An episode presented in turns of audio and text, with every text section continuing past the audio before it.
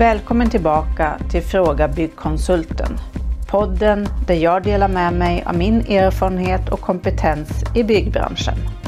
Det här är podden för dig som vill spara tid och energi i ditt byggprojekt, få goda råd av en kunnig person och vill undvika att bli lurad.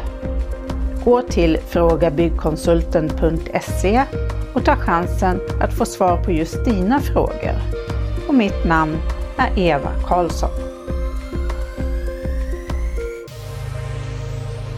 I det här avsnittet kommer jag prata om fukt.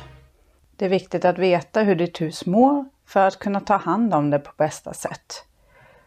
Och det är viktigt att ha koll på hur ditt hus påverkas av fukt. Fukt kommer ju både utifrån och inifrån. Du har säkert märkt att varm luft kan innehålla mycket mer vatten än kall luft. I en ångbastu så ser du knappt genom rummet då luften är så fylld med vatten att luften blir vit som ånga. Och det upplevs av många att luften är tung och svår att andas. Motsatsen är en tidig höstdag då solen skiner från en klarblå himmel och då är det precis tvärtom. Luften innehåller lite fukt, är nästan krispig och lätt att andas. Luftens innehåll av vatten mäts i relativ fuktighet och är en procenthalt av hur mycket vatten luft kan innehålla vid precis den temperaturen. I Sverige är årsmedelvärdet utomhus 80 Men det skiljer sig mellan värdena på sommaren och vintern och mellan olika delar av Sverige. Därför kan samma huskonstruktion fungera olika bra om du bor i norra Sverige mot i södra Sverige. SMHI mäter relativ fuktighet det här finns på deras hemsida att ta del av om du är intresserad. Kanske fundera på hur dessa variationer påverkar just ditt hus. Fukten i sig är ju inte farlig. Men fukt tillsammans med organiskt material, det är det som är problemet. Trä är det material som är känsligast för påväxt.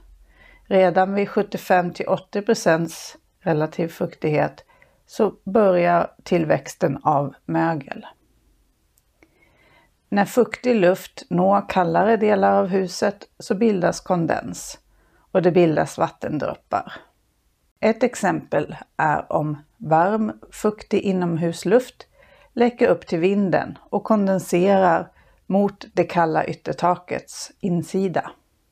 När det senare blir varmare och undersidan av taket är fuktigt så kan det börja mögla.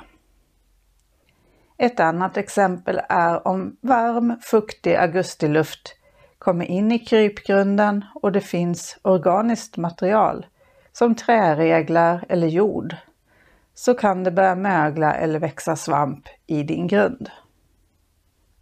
Du kan tänka dig att ditt hus är som en låda. Och där, där lådan kommer i kontakt med omgivningen mark och luft som riskerna är som störst och det är där du behöver ha mest koll på ditt hus. Det är ju när det är kallt utanpå och varmt inuti som fuktriskerna ökar om det sker en fukttransport i konstruktionen. Så det gäller att man vet hur fukten transporteras i sitt hus i kommande avsnitt kommer jag gå igenom varje byggdel för sig och prata lite om vad man kan göra för åtgärder för att förhindra att det blir fuktskadat. Tyckte du om det du har hört? Tryck tumme upp och skriv en kommentar. Och dela gärna till dina vänner så att fler får ta del av min kunskap. Om du vill ha svar på en fråga, stor som liten, så gå till frågabyggkonsulten.se. Du är aldrig ensam om att fundera på något. Vi hörs snart igen och mitt namn är Eva Karlsson.